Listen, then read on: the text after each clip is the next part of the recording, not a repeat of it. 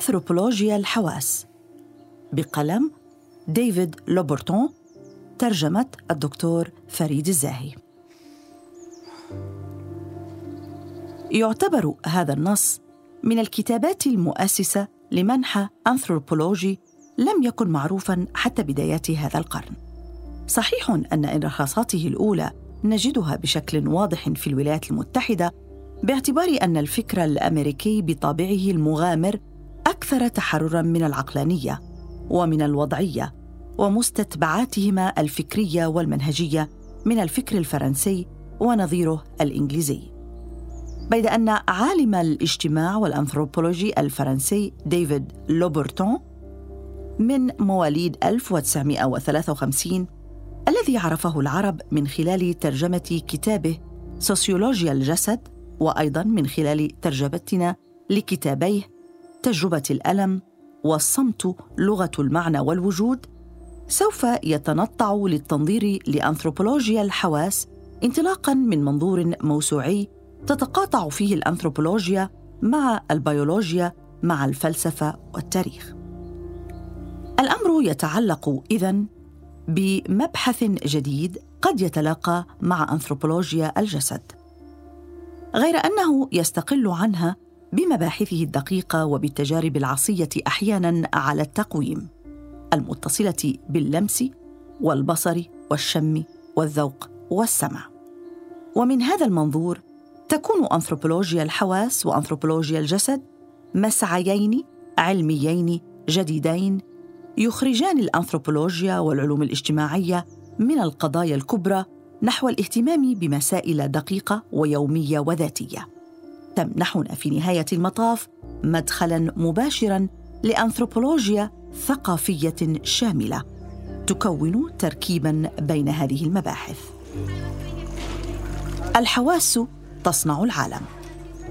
ليس لدى الإنسان من سبيل آخر للوجود غير الإحساس بالعالم وأن يظل عرضة لعمليات اختراقه ولتغييراته. العالم انبثاق لجسم يخترقه. إذ أن ثمة حركة دائبة تتم بين الإحساس بالأشياء والإحساس بالذات. فقبل الفكر ثمة الحواس. والقول مع ديكارت أنا أفكر اذا أنا موجود. يعني تجاهل الانغماس الحسي للإنسان في العالم. أما قولنا أحس اذا أنا موجود. فهي طريقة أخرى للقول بأن الشرط الإنساني ليس كله روحانيا. وإنما هو قبل كل شيء جسدي. تفترض أنثروبولوجيا الحواس الانصياع للانغماس في العالم. أي أن يكون المرء داخله لا امامه من غير أن ينفصل عن الحسية التي تغذي الكتابه والتحليل. الجسد فوران للمحسوس وهو يندرج في حركة الأشياء ويمتزج بها بكامل حواسه. وبين بدن الإنسان وبدن العالم ليس ثمة من قطيعة. وإنما ثمة استمرارية حسية دائمة الحضور.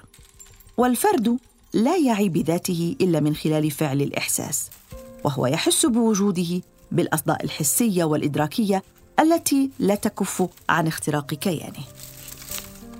البداية السريعة للإحساس تكسر رتابة الشعور بالذات والحواس عبارة عن مادة تصنع المعنى وهي في وجودها على خلفية عالم لا ينضب عن السيلان تشكل تكتلات تمكن من جعل ذلك العالم معقولا. قد نتوقف عند إحساس يكون له معنى أكثر من الإحساسات الأخرى بحيث يفتح أسرار الذكرى أو الحاضر غير أن الجم الوفير من المحفزات تخترقنا في كل لحظة وتنزلق في مجرى اللامبالاه إن صوتا أو نكهه أو وجها أو منظرا أو عطرا أو تماسا جسديا يفتح أمامنا الإحساس بالحاضر وينعش وعيا بالذات يكون غافيا طيلة اليوم. إلا إذا كان المرء منتبها باستمرار للمعطيات المحيطة به. العالم الذي نعيش فيه يوجد من خلال البدن الذي يسير نحو لقائه.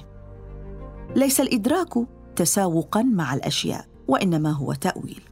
وكل إنسان يسير في عالم حسي يرتبط بما بلورت به حكايته الشخصية تربيته الخاصة. الأشخاص المختلفون وهم يعبرون الغابه نفسها لا يكونون حساسين للمعطيات نفسها.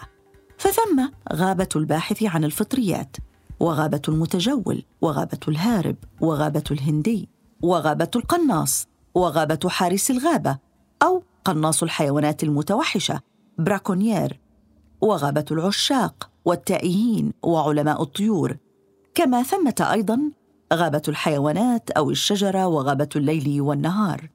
إنها ألف غابة في الغابة نفسها وألف حقيقة للغز نفسه الذي ينفلت منا ولا يمنح نفسه لنا إلا في شكل شذرات. ليس ثمة من حقيقة للغابة وإنما ثمة العديد من الإدراكات التي تخصها. تبعا لزاوية المقاربة والانتظارات والانتماء الاجتماعي والثقافي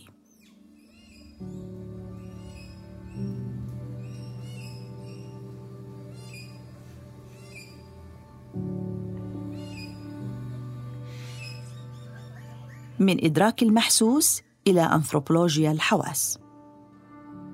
عالم الأنثروبولوجيا هو مستكشف هذه الفراشات المختلفة للواقع التي تتشابك، وهو أيضا في آخر المطاف يقترح تأويله للغابة، غير أنه يجهد في توسيع نظرته وحواسه كي يفهم هذا التوريق الذي يهم الواقع. إنه خلافا للآخرين لا يتجاهل القول الخافت أو النصفي عن الواقع بيد أن عمله يتمثل في استكشاف هذه الترسبات المختلفة وهو يعرف مستعيدا قول الشاعر الفرنسي أندري بروتون إن العالم غابة من المؤشرات يختفي فيها واقع يغذي وجوده البحث عنه. العالم الأنثروبولوجي هو إنسان المتاهة الباحث عن مركز محتمل لها. والتجربة المحسوسة تعود اولا للدلالات التي يعايش بها العالم لأن هذا الأخير لا يمنح نفسه في أشكال أخرى.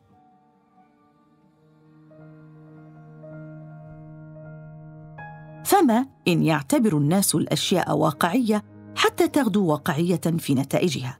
كما يقول دبليو تومسون إن أدراكاتنا الحسية المتشابكة مع دلالات معينة ترسم الحدود الغامضة للمحيط الذي نعيش فيه وهي تعبر عن مداه وعن نكهته. كما أن عالم الإنسان هو عالم البدن وبناء تولد عن حسيته التي تصفيها شروطه الاجتماعيه والثقافيه وتاريخه الشخصي وانتباهه لوسطه. الجسد المنتصب بين السماء والأرض باعتباره فرشة هوية الإنسان هو المصفاه التي بها يتملك ماهية العالم ويجعلها ماهيته بواسطة أنظمة رمزية يتقاسمها مع أفراد مجموعته. الجسد هو الشرط الإنساني للعالم. وذلك المكان. ذو الدفق المستمر للأشياء يتوقف في صورة دلالات دقيقة أو في شكل أجواء ويتحول إلى صور وأصوات وروائح وأنسجة وألوان ومناظر إلى آخره. الإنسان في الرابطة الاجتماعية يشارك لا فقط بحصافة فكره وأقواله وأفعاله ولكن أيضا بسلسلة من الحركات والإيماءات التي تساهم في التواصل. من خلال الانغماس في الطقوس العديدة التي تتخلل سيوله اليومية. إن كافة الأفعال التي تشكل نسيج الوجود حتى التي لا تدرك منها تدخل الجسد في وجيهته. الجسد ليس شيئا مصطنعا أو قالبا يحوي انسانا عليه أن يمارس وجوده بالرغم من هذا العائق. إنه على العكس من ذلك. فبما أن الجسد في علاقة عناق دائمة مع العالم فهو يرسم دروبه ويجعل استقباله مضيافا. وهكذا حين نجاوز الفكرة المسبقة للعالم الموضوعي. فإن ما نكتشف ليس عالما باطنا بهيما. إنه عالم من الدلالات والقيم عالم من التواطؤ والتواصل بين الناس الحاضرين وبين وسطهم. كل مجتمع يرسم لنفسه هكذا تجربة حسية خاصة. فإزاء لا نهائية الأحاسيس الممكنة في كل لحظة يحدد كل مجتمع طرائقه خاصة في إقامة اختياراته. واضعا بينها وبين العالم عملية غربلة للدلالات والقيم وموفرا لكل واحد التوجهات التي تمكنه من الوجود في العالم والتواصل مع محيطه. وهو أمر لا يعني أن الاختلافات تمارس التمييز بين الأفراد. حتى داخل مجموعة اجتماعية لها الوضع الاعتباري نفسه. إن الدلالات التي تتصل بالإدراكات موسومة بالذاتية فأن يجد المرء مثلا أن القهوة حلوة أو أن ماء البحر بارد أمر يثير أحيانا نقاشا يبين أن الحساسيات لدى هؤلاء وأولئك ليست متناظرة تماما وتتمتع باختلافات دقيقة حتى لو كان الفاعلون ينتمون للثقافة نفسها.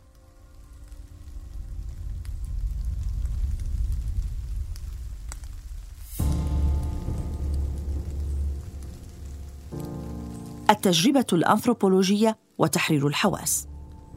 تقوم أنثروبولوجيا الحواس على فكرة أن الإدراكات الحسية لا تتمثل فقط في المظهر الجسماني بل اولا في توجه ثقافي يترك هامشا للحساسية الفردية.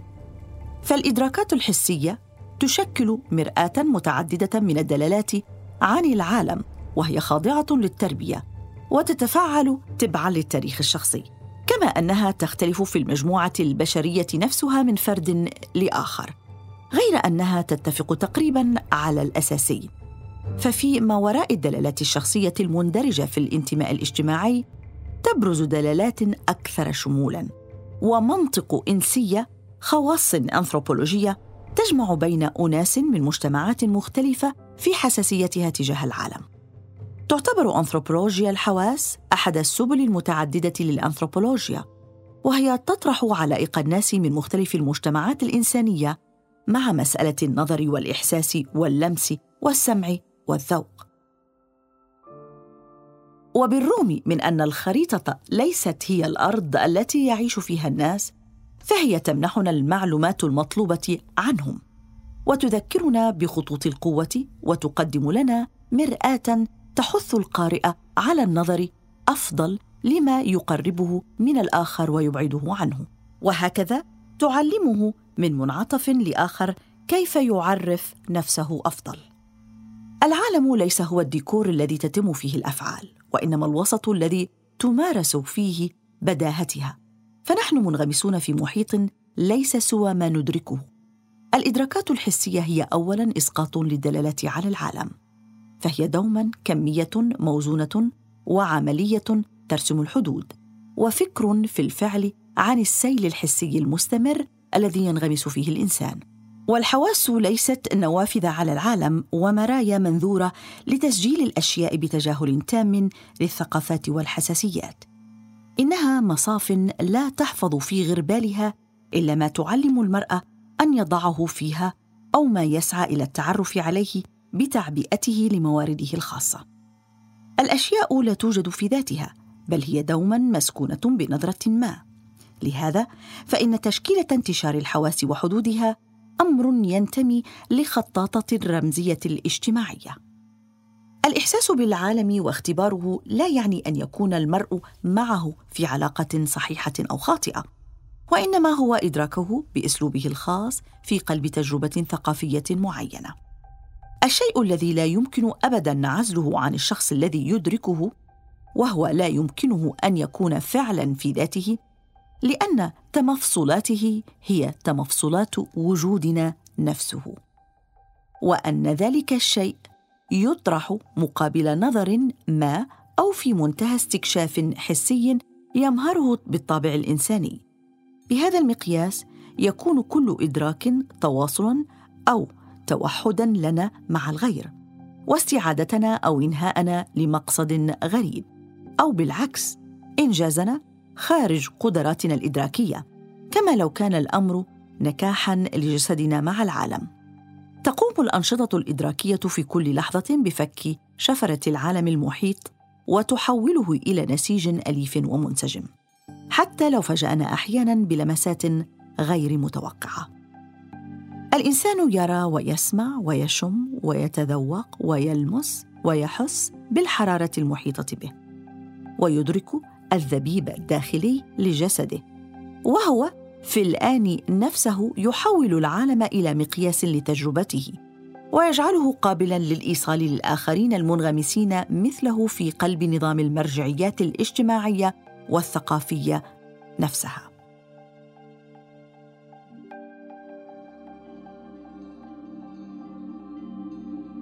إن الاستعمال الرائج لمفهوم الرؤية للعالم لتعيين نظام تصور وها نحن أمام مجاز بصري مرة أخرى أو نظام رمزي خاص بمجتمع ما يترجم هيمنة البصر في مجتمعاتنا الغربية وتثمينه بحيث لا وجود للعالم إلا مرئيا. كتب دبليو أونغ في الأساس حين يفكر الإنسان التكنولوجي الحديث في العالم الفيزيائي فهو يفكر في شيء قابل لأن يكون مرئيا أو خاضعا للمقاييس والمواثيق البصرية. العالم بالنسبة لنا شيء يمكن بشكل أساسي أن نصنع له صورة. البصر يمارس سلطة على الحواس الأخرى في مجتمعاتنا الغربية. فهو المرجع الأول. لكن مجتمعات أخرى عوض الحديث عن رؤية للعالم تتحدث عن تذوق العالم ولمسه وسمعه أو شمه. وذلك لتعبير أناسها عن طريقتهم في التفكير أو الإحساس بعلاقتهم بالآخرين كما بالمحيط. كل ثقافة تحدد حقلا معينا لإمكان المرئي واللامرئي واللمسي واللاملموس والشمي وما لا رائحة له كما أن للنكهة وما لا نكهة أو مذاق له وللطاهر والنجس إلى آخره. وهي بذلك ترسم عالما حسيا خاصا. والعوالم المحسوسة لا تتقاطع لأنها أيضا عوالم من الدلالات والقيم. كل مجتمع يبلور بذلك نموذجا حسيا مخصوصا طبعا بالانتماء لطبقة ولجماعة ما ولجيل معين ونوع معين وبالأخص بالتاريخ الشخصي لكل فرد وحساسيته الشخصية.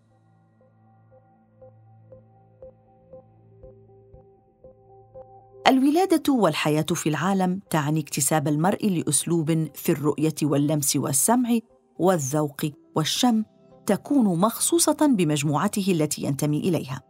فالناس يسكنون عوالم حسية مختلفة. يعتمد التقليد المسيحي أيضا على مذهب الحواس الروحانية التي جاء بها أوريجين راهنر عام 1932 ترتبط الحواس الروحانية بالنفس. وهي تندرج في ميتافيزيقيا مفتوحة بإيمان عميق يؤدي بأعضاء روحانية إلى إدراك انطباع حضور الرب الذي لا يمكن للحواس الدنيوية أن تدركه. الحواس الروحانية لا تسكن المؤمن باستمرار فهي تتدخل أحيانا عبر لحظات حدس باهرة تمكن من بلوغ واقع خارق مبصوم بحضور الرب. إنها تشكل احساسا للنفس قابلا لاختراق عوالم لا علاقة لها بالبعد الجسماني للحواس الأخرى. ثمة بصر لتأمل الأشياء غير الجسمانية كما هو حال الملائكة الكروبيين والسرافيين وسمع قادر على تمييز أصوات لا تنطلق في الهواء. وذوق للتلذذ بالخبز الحي النازل من السماء لمنح الحياة للعالم. وكذا حس شم يدرك الوقائع التي دفعت القديس بول إلى أن يؤمن برائحة طيبة للمسيح. ولمس كان يملكه القديس يوحنا حين قال لنا بأنه لمس بيديه الكلمة الإلهية. كان سليمان يعرف مسبقا أننا نملك نوعين من الحواس. واحد زائل وقابل للفساد هو الإنساني والثاني خالد وروحاني وإلهي. لقد سعت العديد من الأبحاث خاصة في الضفة الأخرى للأطلسي إلى التقرب بطريقة دقيقة ومنهجية من هذه الوفرة الحسية حتى نرى كيف يمنحها المجتمع معنى خاصا. ولائحة الأبحاث أو تلك التي تم تكريسها لجانب خاص من العلاقة الحسية مع العالم طويلة جدا. ويشير الدكتور هاوس إلى إحدى توجهاته قائلا إن أنثروبولوجيا الحواس تسعى اولا إلى تحديد كيف تختلف هيكلية التجربة الحسية من ثقافة إلى أخرى تبعا للدلالة والأهمية النسبية التي تمنح لكل حاسة من الحواس. وهي تسعى أيضا إلى رسم تأثير هذه التنويعات على أشكال التنظيم الاجتماعي وتصورات الأنا والكون وتنظيم العواطف كما على مجالات أخرى من التعبير الجسدي.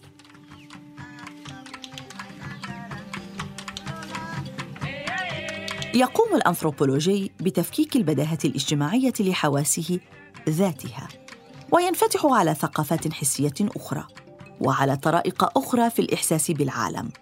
وتجربة الأنثروبولوجي أو الرحالة تكون غالبا تجربة اغتراب حواسه بحيث يواجه نكهات غير متوقعة وروائح وموسيقى وإيقاعات وأصوات وتماس واستعمالات للنظر تخلخل عوائده السابقة وتعلمه كيف يحس بشكل مغاير علاقته بالعالم والآخر.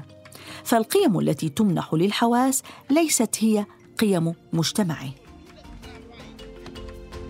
يقول بي ستولر لقد اكتسحت أفريقيا في البداية حواسي وهو يشير بذلك إلى ضرورة هذا الانزياح الحسي عن المركز قصد بلوغ الواقع الحي لطرائق العيش لدى قبائل سونغاي الأفريقية.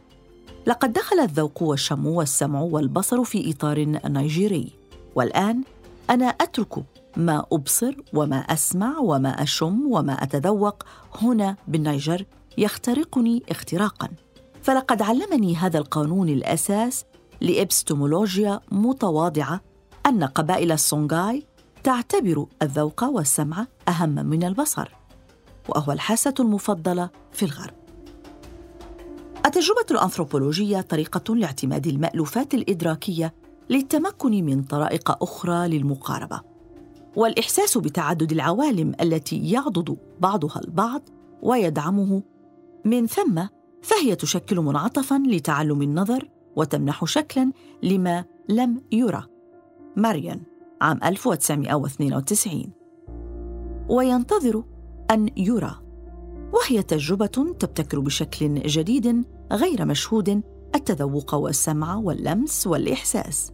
كما تكسر رتابة الفكر عن العالم وتدعو إلى تجذيب الخططات القديمة للمعقولية كي تفتح المرء نحو توسيع للبصر.